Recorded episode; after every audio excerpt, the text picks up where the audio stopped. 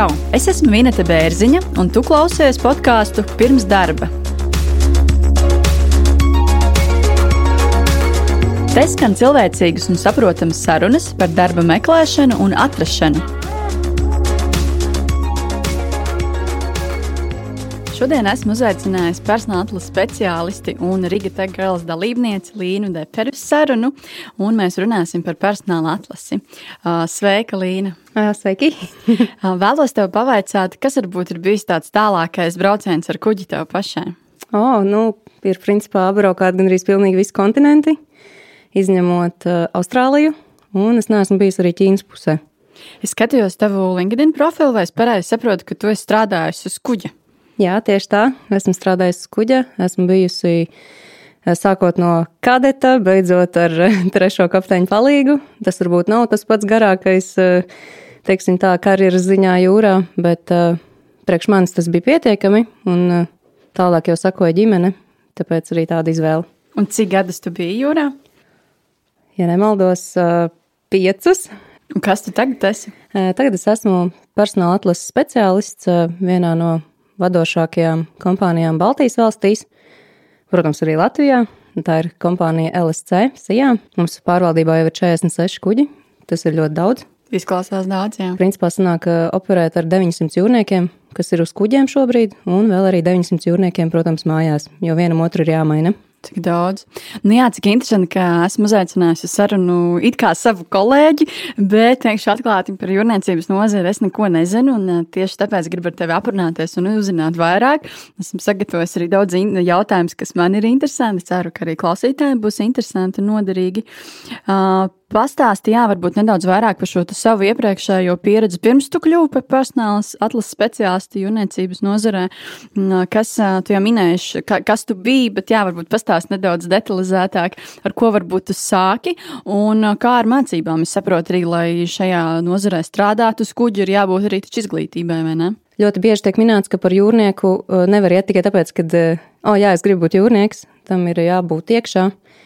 Jo ir jāsaprot, ka tā nav no vieglākajām specialitātēm. Varbūt ļoti daudziem liekas, ka tu aizbrauksi jūrā un ceļos, un nu, tik būs katrā ostā sava dzīve. Sauļos, jauna sieva, jauns vīrs. Jā. jā. Bet tā tas nav. Un gadās pat arī netikt krastā.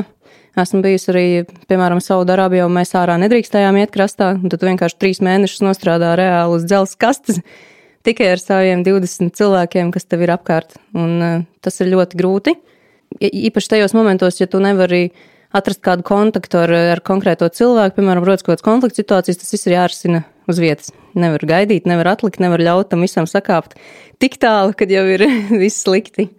Bet mazliet sīkāk par to, kā tad atgriezties pie jautājuma būtības. Tad īstenībā Latvijā mums ir trīs vietas, kur var iegūt izglītību saistībā ar jūru virsnieka līmenī un kapteiņa līmenī. Tā ir noteikti Latvijas Jūras akadēmija, kuru arī pabeidzu es, un es visiem tiem, kuri vēlas savu ceļu veidot jūrā, tad ieteiktu ar to arī sākt. Eh, jo tur mēs varam iegūt eh, augstāko izglītību un uzreiz eh, doties savās karjeras gaitās un kļūt par kapteini. Un uh, saka, lūdzu, kā, kāds ir tavs maģistra grāds, kā, kā viņš tā kā saucas? Uh, nu, tātad iegūstamais grāds ir uh, profesionālais maģistra grāds jūras transportā. Kā teikt, tās zināšanas, kas tiek iegūtas, pēc tam arī noteikti palīdz strādāt krastā. Jo ļoti bieži vien uz šīm vakancēm arī skatās dip, iegūst, iegūtos diplomus. Bet, uh, principā, arī pabeidzot bakalauru, nav nekādas problēmas atrast darbu gan jūrā, gan krastā. Tas var būt tāds startiņš. Kas bija tās pirmais darbs jūrā? Pirmais darbs man jūrā bija, es biju kādets. Es aizgāju jūrā pirmajā, pirmajā semestrī uzreiz pēc pabeigšanas, kamēr citi vēl vasarā gozījās saulītēs, jau biju atradusi uh, Eh, praksi sev. Man pirmā praksa bija uz Roro kuģa. Tas ir kuģis, kas ved automašīnas un kravas ar tentiem, uzdzen augšā uz kuģa un tad ved uz līnijas mēs strādājām. Un pēc tam jau es nokļuvu tolaik vēl Latvijas kuģniecība, Latvijas ship management, ja nemaldos, viņš toreiz tā saucās šī kompānija, un pēc tam jau, pēc tam jau pārvērtās par LSC. Jā. Tu minēji vārdu kadets, varbūt tie, kuri nav dzirdējuši, un, uh, un es arī šajos terminos, teiksim, tā neesmu speciālists. Ko tas nozīmē tīri vienkāršiem vārdiem runājot? Ko tu, ko tu dari?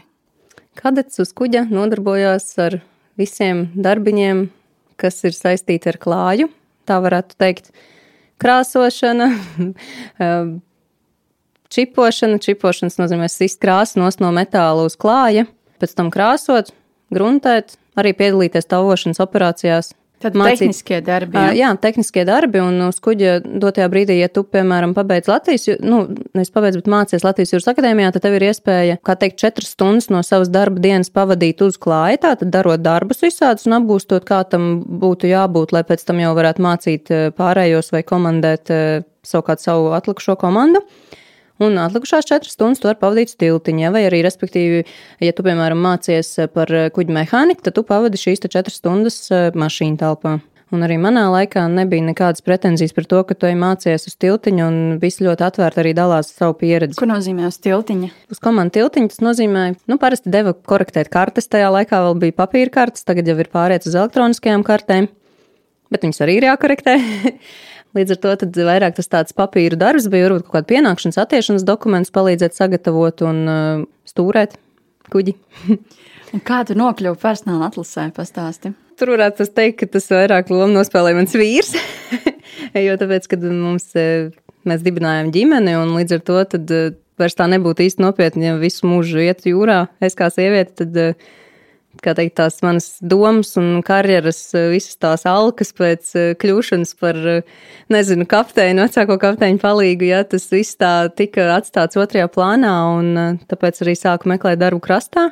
Un tas izvērtās arī ļoti interesants un, un dinamisks līdz ar to nejūtos zaudētājos. Bet saki, lūdzu, lai būtu personāla atlases speciālists jūrniecības nozarē, vai ir nepieciešama augstākā izglītība jūrniecībā? Kāda tev šobrīd ir? Es domāju, ka tas ir atkarīgs no kompānijas bet eh, mūsu kompānijā ir prasība, kad ir jābūt izglītībai jūrniecībā.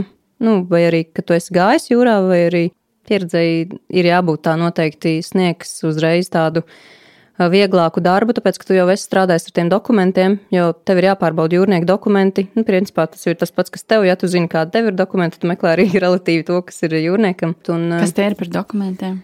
Vispirmkārt jau noteikti diploms. Ir jābūt diplomam konkrētai specialitātei, Un tālāk ir iet eh, papildus kursi, kurus nosaka kompānija. Ir eh, kursi, kuri, teiksim, tā ir jau pie obligātajiem kursiem jābūt tādiem kā GMDSS.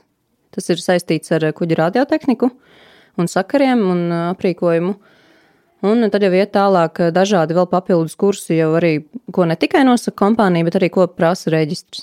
Kas vēl varbūt ir tie kursi apmācības, kas, kas ir jāaiziet, tic kaut kādu mm -hmm. vēl certifikāti? Jā, ir piemēram solas certifikāts, un, kas sevi iekļauj glāb, informāciju par glābšanas līdzekļiem, kā operēt, kā piemēram nolaist laivu, ko darīt bīstamās situācijās, un šajos kursos tie īstenībā ir ļoti interesanti kursi.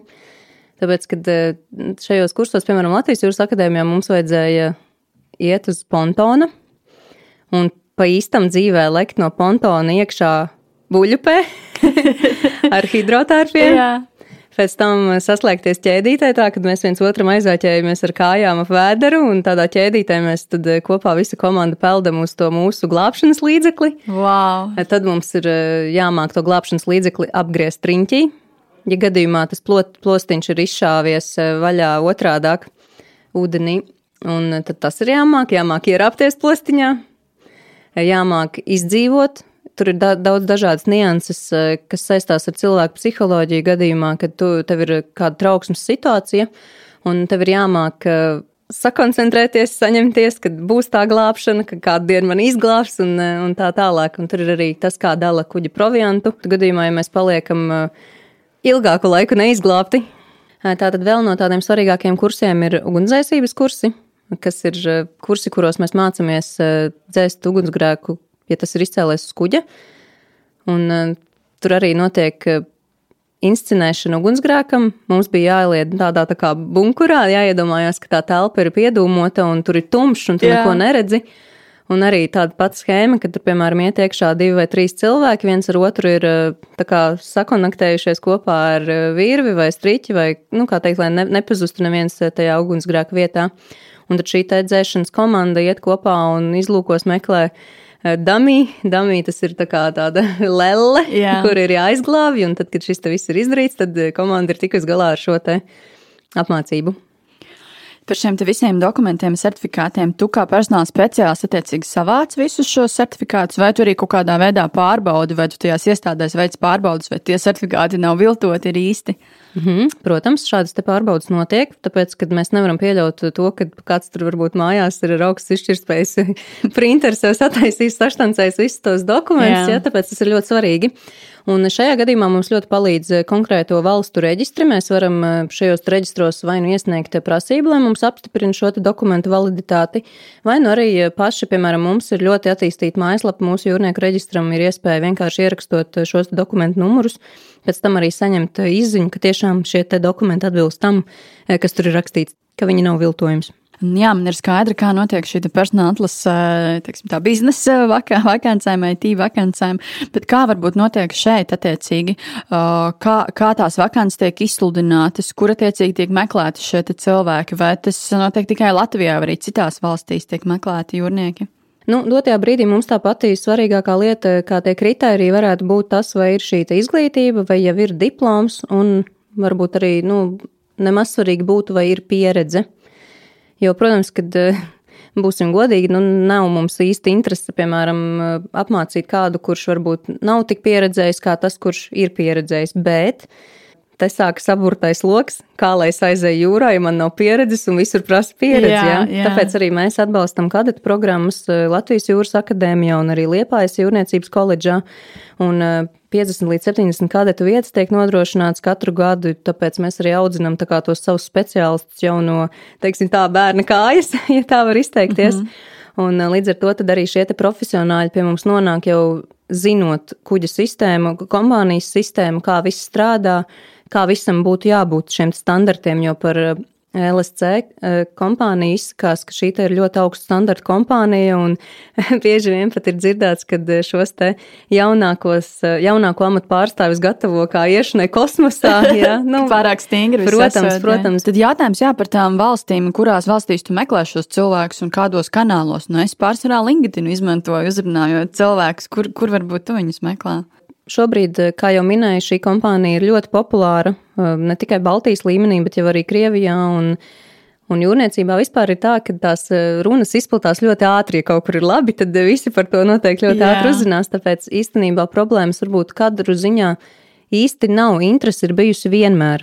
Protams, kad ir, ir tādas gadījumi, kad ir pieteikušies ļoti daudz cilvēku, bet viņi konkrētajā brīdī neatbilst. Respektīvi, mēs nevaram aizsūtīt uz kuģa nepieredzējušu kapteini ar nepieredzējušu kapteiņu vecāko palīgu, vēl jau vairāk ar nepieredzējušu otro palīgu. Ja? Nu, tā tad viss tā schēma uzreiz brūk. Tāpēc ir arī šīs te matricas izveidotas. Tas nav kompānija līmenī izveidots, tā ir vispār pasaules prasība uz eh, tankeriem strādājot, ka ir jābūt šai te matricai, kas nozīmē pieredzēji. Respektīvi, ka tev ir jābūt, ja tev ir tikko iznācis pilnīgi zaļš gurķis, eh, vecākais kapteiņa palīgs pirmo reizi amatā, ja, šajā ziņā, tad noteikti ir jābūt ļoti, ļoti pieredzējušam kapteinim. Un tādā veidā mēs šos jūrniekus kombinējam. Tāpēc bieži vien liekas, ah, nu jā, man tur ir tik ļoti daudz šī te, piemēram, otrie palīgi, trešie palīgi, bet īstenībā uz kuģes viņu nevar uzsēdināt, jo man šī matrica nesanāk. Tāpēc tur ir jāskaita, lai šis te viss eh, strādātu. Vai es pareizi saprotu to, ka šos cilvēkus tu pati nemeklē, neuzrunā, viņi paši piesakās? Negluži. Ir tā, ka eh, mums bieži vien ir tās saucamās karstās vakances, kad eh, piemēram, ar savu, savu izaudzināto personālu, piemēram, kādā brīdī nesanāk, vai tur, piemēram, ir kāds saslimis, vai nav gatavs doties jūrā, vai ir kādi citi apstākļi, kuru dēļ nav iespējams šo, šajā reisā doties, tad, protams, mēs pieslēdzam arī citus kanālus. Mēs sadarbojamies arī ar citiem krūjingiem, kas ir Krievijā, un arī Ukrainā, un arī Lietuvā un Igaunijā. Līdz ar to mums ir arī, mēs meklējam no visas šīs Baltijas reģiona. Un arī, protams, ievietojam Ievietojam sludinājumus LinkedIn, ss.lv un arī, protams, mūsu mājaslapā. Tie ir tie galvenie kanāli. Jā, arī Facebook, nu, tāda sociālā mm -hmm, mēdīja, tie jā. ir tie kanāli, kuriem principā var sekot arī līdzi, un uh, tur arī atradīsiet visu pēdējo informāciju par nepieciešamo personālu, kurš tiek meklēts. Un tā tad valstis, attiecīgi, kur, kuru meklē šos cilvēkus, ir Baltijas valstis, Ukraina, Krievija. Um, uz mūsu kuģiem strādā arī filipīnieši, Bet ar šiem te filipīniešiem nodarbojās jau Filipīnu ofici, ar kuriem mēs sadarbojamies. Kā ar valodu zināšanām, kādām valo valodām ir jābūt, lai strādātu uz kuģa? Noteikti tā ir jābūt angļu valodai, tāpēc, ka tā ir viena no valodām jūrniecībā. Protams, kad ja tu zini vēl valodas, tas būs tikai bonus tev. Saruna ir pusē. Ja esi noklausījies tik tālu, tad iespējams kaut kas no dzirdētā tevi uzrunāja. Varbūt tev pašam ir savs stāsts vai padoms, kas var interesēt mana podkāstu klausītājus. Aicinu arī tevi podkāstā, raksti man, kontaktus atradīsi epizodes aprakstos un sociālajos tīklos par sievietēm. Kā ar sievietēm? Vai sievietes arī izvēlas šī, šos, šo profesiju? To attiecīgi tu esi izvēlējies, bet šajā personāla atlasē tu droši vien redzi, kāda ir tā proporcija, cik varbūt ir aptuveni procentuāli sievietes, cik vīrieši, kuriem ir interese strādāt uz kuģa un strādā visā mērogā, ne tikai sievietes, bet arī vīriešus. Mums Latvija ir ļoti bagāta ar jūrniekiem. Mums ir aptuveni, ja nemaldos, vairāk kā 12,000 jūrnieku aktīvie. Daudz. Jā, tas ir ļoti daudz, bet to arī vajag bišķiņi saprast. Šajā skaitlī ir iekļauti ne tikai tie jūrnieki, kas iet jūrā aktīvi, bet arī tādi kā es, piemēram, strādā krastā, bet man vēl ir derīgs diploms. Ja? Nu, tā tad es, kras, es jūrā jau vairs neeju, bet diploms man vēl ir, un es ietilpstu šajā kategorijā. Bet, nu, jebkurā gadījumā šis skaitlis ir, ir pietiekami liels, lai mēs ja būtu pirmajā vietā Eiropā jūrnieku skaita ziņā par strādājošo skaitu vispār valstī. Un saistībā par jautājumu, ko tu uzdevi par sievietēm jūrā, ir tā, ka mūsu kompānijā ir bijušas arī vecākie kapteiņu palīgi sievietes. Vispār pasaulē ir arī kapteiņa sievietes, ja tā kā tas eh, nav nekas eh, neiespējams. Baltijā arī ir. Baltijā es tik sīki nezināšu, iespējams, es negribu samalot Jā. par šo atbildi, ne, nemācēšu teikt. Bet uh, sievietes ir ambiciozas un ar katru gadu viņas kļūst aizvien ambiciozākas un grib ieņemt savu vietu arī tādu veidu profesijās. Tā kā šajā ziņā nevarētu sūdzēties, bet, protams, tas ir atkarīgs no pašas sievietes prioritātēm. Un, uh, un, protams, arī kontrakta ilgumu, jo diez vai tavi bērni būs laimīgi, ka tu četrus mēnešus atrodies kaut kur prom. Un, kas mums ir normāli un kas nav normāli, tas ir no mums atkarīgs. Jo varbūt mums ir tas normāli, ka, piemēram, vīrs ir, vīrs ir ar bērniem un sieva pelna naudu. Kā, tas ir no katra individuāli. Bet kā ir uz kuģa var strādāt cilvēks bez jūras izglītības, vai tas nav iespējams? Bez jūras izglītības var strādāt, bet šajā gadījumā tiks ieņemtas zemākās pakāpes matroži. Viņiem arī var būt tādi, kas nav izgājuši apmācības, viņiem ir tikai šie konkrētie kursi nepieciešamie, kur ir bijuši izieti, kas atbilst kvalifikācijai. Viņi šo apmācību ir ieguvuši, un viņi var iet jūrā. Bet tas nenozīmē, ka, ka viņi kļūs par kuģa virsniekiem, kuģa kapteiņiem. Tur atkal būs jāmācās. Un tas jau prasīs tādu nopietnāku izglītību, ne tikai kursus. Nu jā, varbūt... cik, cik, cik par šādu smagu darbu vispār saņem jūrnieki atalgojumu, kas varbūt ir tas vidēji, ko mēnesī var rēķināties? Viss ir atkarīgs no ieņemamā amata. Piemēram, kuģa pavārs eh, varētu būt ap kādiem diviem tūkstošiem pelnu dolāri. Šobrīd dolāros mums algas tiek rēķināts citās kompānijās, iespējams, savādāk, tāpēc neņemos spriest. Eh, bet, nu, jau tālāk skatoties, tie nosacījumi jau tiek atrunāti, un jo augstāka pakāpe, jo jau kļūst individuālāka pieeja šim te jautājumam. Vai par matrozi pārkvalificējies cilvēks var tur labi nopelnīt? Um, Es uzskatu, ka jā, bet tas atkal ir relatīvi. Kas ir labi? ja? Kas tev ir labi? Varbūt man pietiek, piemēram, nezinu, ar 500 eiro mēnesī, citam cilvēkam varbūt 500 eiro tas ir aiziet vienreiz uz veikalu. Tas ir ļoti relatīvs jautājums. Un, un tas ir jāsaprot, vai tu esi ar mieru ziedot savu laiku šeit, lai saņemtu tādu algu tur. Tev jau uz kuģa nav īstā vieta, kur to naudu varētu iztērēt. Kā Jā. jau minēju, tu vari trāpīt uz tādas eh, līnijas eh, kuģa, kad tu netiec krastā, un tev tā naudiņa krājās. Protams, ka patīkami.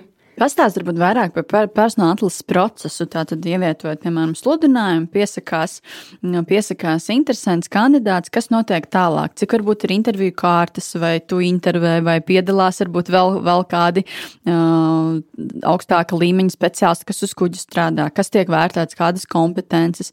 Par certifikātiem, jā, mēs jau nedaudz parunājām, bet kas, vai, vai, vai kaut kādi testi tiek veikti, nezinu, tur fiziskie testi, emocionālie testi. Pastāsti vairāk.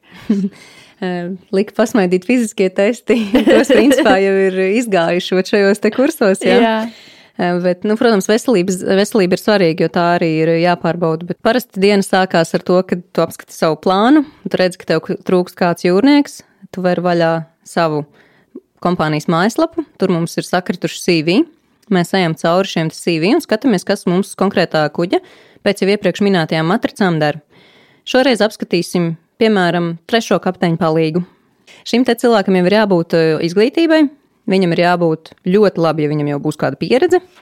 Un tālāk jau mēs skatāmies saistībā ar to mūsu matricu. Nu, pieņemsim, ka mums nav nepieciešams pieredzējis trešais kapteiņa palīgs, tāpēc mēs varam sākt ar starta pozīciju. Ja šis cilvēks nav bijis mūsu kompānijā iepriekš, tad mēs sākumā viņam pazvanām, pastāstām, kas mēs esam, uzrunājam. Ja šim cilvēkam ir interese, nu, protams, ka interese ir, jo viņš ir atsūtījis savu CV, tad mēs paklausoties, jau var citreiz arī saprast, vai šis cilvēks būs tas, kas mūsu kompānijā varēs strādāt vai nē. Ja tu pats sev izvēlēsies tādu cilvēku, ar kuru tev ir grūti komunicēt, tad tas var arī izraisīt problēmas vēlāk. Nu, lūk, šis cilvēks mums patīk. Mēs viņam eh, pastāstām to, ka viņam ir jāsagatavojas intervijai. Parasti tiek izsūtīta kompānijas manuāli, kur arī ir ļoti svarīga informācija vispār par, kuģi, eh, par darbu uz kuģa, kā viss norit, eh, dažādas kompānijas politikas un vispār tā kompānijas vīzija. Tad šis cilvēks sagatavojas intervijai. Tātad pirms intervijas ir jāizlasa manuālis, un tikai tad var piedalīties intervijā. Ja? Nu, tas būtu tāds ieteikums. Mm -hmm. Protams, jau var, var domāt, ka tu esi izgudrs un, un, un, un ka tu visu zini. Un, neko nelasīt, bet es uzskatu, ka izglītošanās ir zināšana māte, tāpēc nebūtu Jā. slikti šos te manuālus pašķirstīt. Un kā notiek intervija? Tas notiek attālināti klātienē, kas ir tie cilvēki, kas mm -hmm. piedalās. Dotajā brīdī intervijas norit eh, attālināti, bet pirms tam vēl ir nepieciešams iziet testus. Mums ir šobrīd tāds, kā teikt, arī zināšanu prasmju tests, kurš ir jā, jāiziet un jāsasniedz konkrēti procenti atbilstoši kvalifikācijai, kur ir nepieciešama. Tad ir tas saucamais psihoanalītiskais tests. Ka, kas tas ir pastāstīt? Nu, es īstenībā varētu, cik es interesējos, tas ir tāda veida testi, kurus tu arī ej citu, arī darbā krastā, kur tev palīdz, tur, piemēram, ir dots figūriņas, trīsstūrīšu kvadrātiņu, un tev jāsameklē kaut kāda sakarība starp uh, šīm te figūrām. Tas tā kā loģikas tests? Uh, tur ir iekļauts daudzas lietas, gan loģika, gan, uh, gan arī uzmanība, koncentrēšanās spējas. Nu, manuprāt, tas vairāk ir vērsts uz to, kā tu rīkotos, piemēram, kādā stresa situācijā, tur arī to var redzēt. Tagad jau tie testi tādi ļoti gudri ir, līdz ar to var arī ļoti par sevi daudz ko uzzināt jaunu. Tas Bet tests tas ir online. Ja? Uh, jā, tas tests ir online, un viņš nav saistīts, tur nav jūrniecības jautājumi. Tur ir jautājumi vairāk tieši šie psiholoģiskie un analītiskie. Kas, kas ir tie tālākie procesi, kad testi tiek izpildīti, un vai arī, vai arī ir tādi gadījumi, ka tests netiek nokārtots un nevirza tālāk, varbūt uz interviju cilvēku? Jā, tādi gadījumi ir bijuši, jo šie te testi arī parāda, vai tu esi spējis koncentrēties vai nē, vai tu esi, piemēram, izgulējies vai nē, vai tu esi noguris veicis šo te testu. To pat arī var redzēt. Parasti mēs nepiedāvājam otrais šo te pašu veikt, ir noteikti jāaiziet vēlreiz tādā pašā amatā, un tikai tad var kārtot testu vēlreiz. Nu, un, protams, tad, kad šie te testi ir veikti veiksmīgi, tad jau mēs virzam tālāk cilvēku intervijai. Intervija norises divās kārtās. Parasti izjautātos sākuma jautājumus, un, ja cilvēks ir, piemēram, pirmo reizi mūsu kompānijā, tad tā kā uz to otro kārtu atstāja vairāk jautājumus jau par pašu kompāniju un tiem manuāliem. Bet, nu, protams, arī viss atkarīgs no tā, cik tev ir bijis laiks sagatavoties. Jo man ir bijuši tādi jūrnieki, kurus es, piemēram, mēnesi gatavoju, tad jau tu uz to konkrēto interviju jau esi gatavs. Un vai visi tiek virzīti uz otro kārtu, vai ir kaut kāda atlase, kurš tiek, kurš netiek uz otro kārtu? Jā, manā praksē ir bijuši arī tādi gadījumi, ka ir cilvēks ar ļoti lielu pieredzi un netiek tālāk. Tas ir laikam tas gadījums, kad nesagatavojās. Tu jau arī redzi to cilvēku attieksmi. Nu, ja tu ej uz darba interviju, tu taču pienācīgi sagatavojies, lai nebūtu tā, ka tur ar seju netīrumos iekrīti. jā, jā. Tāpēc eh, tas jau ir jautājums par pašu disciplīnu un pašu vēlmēm kaut kādām. Varbūt tu nemaz tik ļoti negribi šajā kompānijā tikt, ja tu negatavojies. Vai pēc otrās kārtas seko darba piedāvājums, vai tur vēl kaut kāda soļa atlases procesā? Nē, darba piedāvājums jau tiek izrunāts uzreiz. Nu, vismaz manā gadījumā, es parasti, kad jūrniekam zvanu, es jau uzreiz viņam pastāstu, kādi ir nosacījumi, un tad es gaidu atbildi, vai viņš tam piekrīt vai nepiekrīt, un tālāk jau mums ir par ko runāt. Jo atstāt to visu uz pēdējo, tad sākās ļoti lielas uh, diskusijas par to, kad es piekrītu šādai algai vai nepiekrītu šādai algai, ja, bet mēs jau esam izgājuši atlases procesu, laiks ir iztērēts, dokumenti ir nokopēti. Un beig beigās jūrnieks neaiziet jūrā, tāpēc es, es vienmēr esmu ļoti tieši šajos jautājumos. Es uzreiz lieku priekšā to, kas man ir, un tad pasaku, vai tu gribi vai negribi.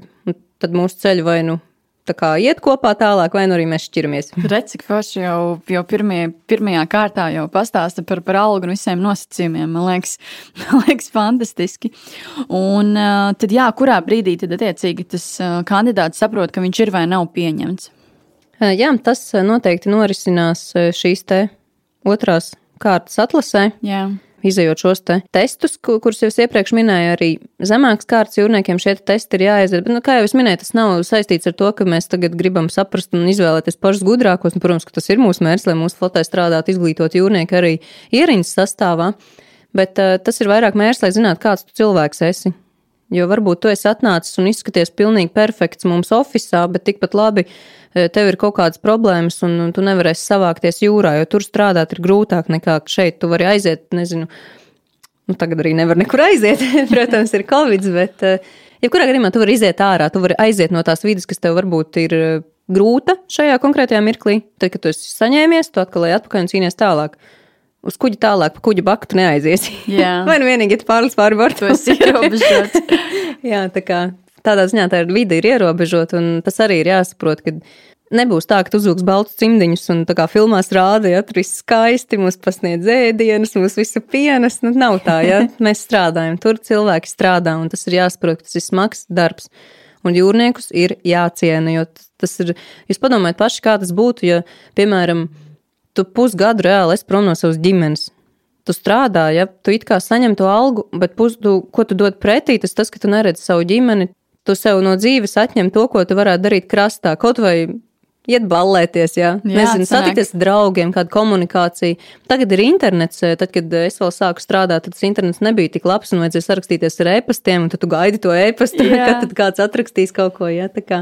Paldies, jā, man liekas, bija fantastiski dzirdēt eh, tik daudz jaunu šodien, vismaz mani, ceru, ka arī klausītājiem, un eh, nu, man izklausās, ka tā vispār ir pilnīgi cita pasaule, jo visi to, tie termini, ko tu minēji, priekš manis ir kaut kas jauns, un, un, un tā personāla atlase, cik es klausos, jūtos arī pilnīgi atšķiras no, no manas ikdienas. Tā kā paldies, ka tu padalījies. Jā, paldies, ka uzaicināji. Man arī bija ļoti interesanti par to pastāstīt. Tāpēc tādam cilvēkam, kurš varbūt meklē kādus piedzīvojumus, kaut ko savādāku eh, no ikdienas darba oficiālā, iesaku pamēģināt. Apmeklējiet Latvijas Jūras akadēmiju, viņiem arī būs noteikti atvērtās dienas, un tad jau tiekamies skuģi, nāciet dzelzceļā. Paldies! Tu noklausījies podkāstu pirms darba. Lai nepalaistu garām nākamās nedēļas epizodi, seko maniem ierakstiem LinkedIn un Facebook. Abonēt jaunās epizodes un noklausīties iepriekšējo sezonu intervijas var visās podkāstu platformās un YouTube. Ja esi pozitīvs un vēlies atbalstīt manu darbu, raksti komentārus un pārsūti manus ierakstus savam draugu pulkam. Uz tikšanos podkāstā pirms darba!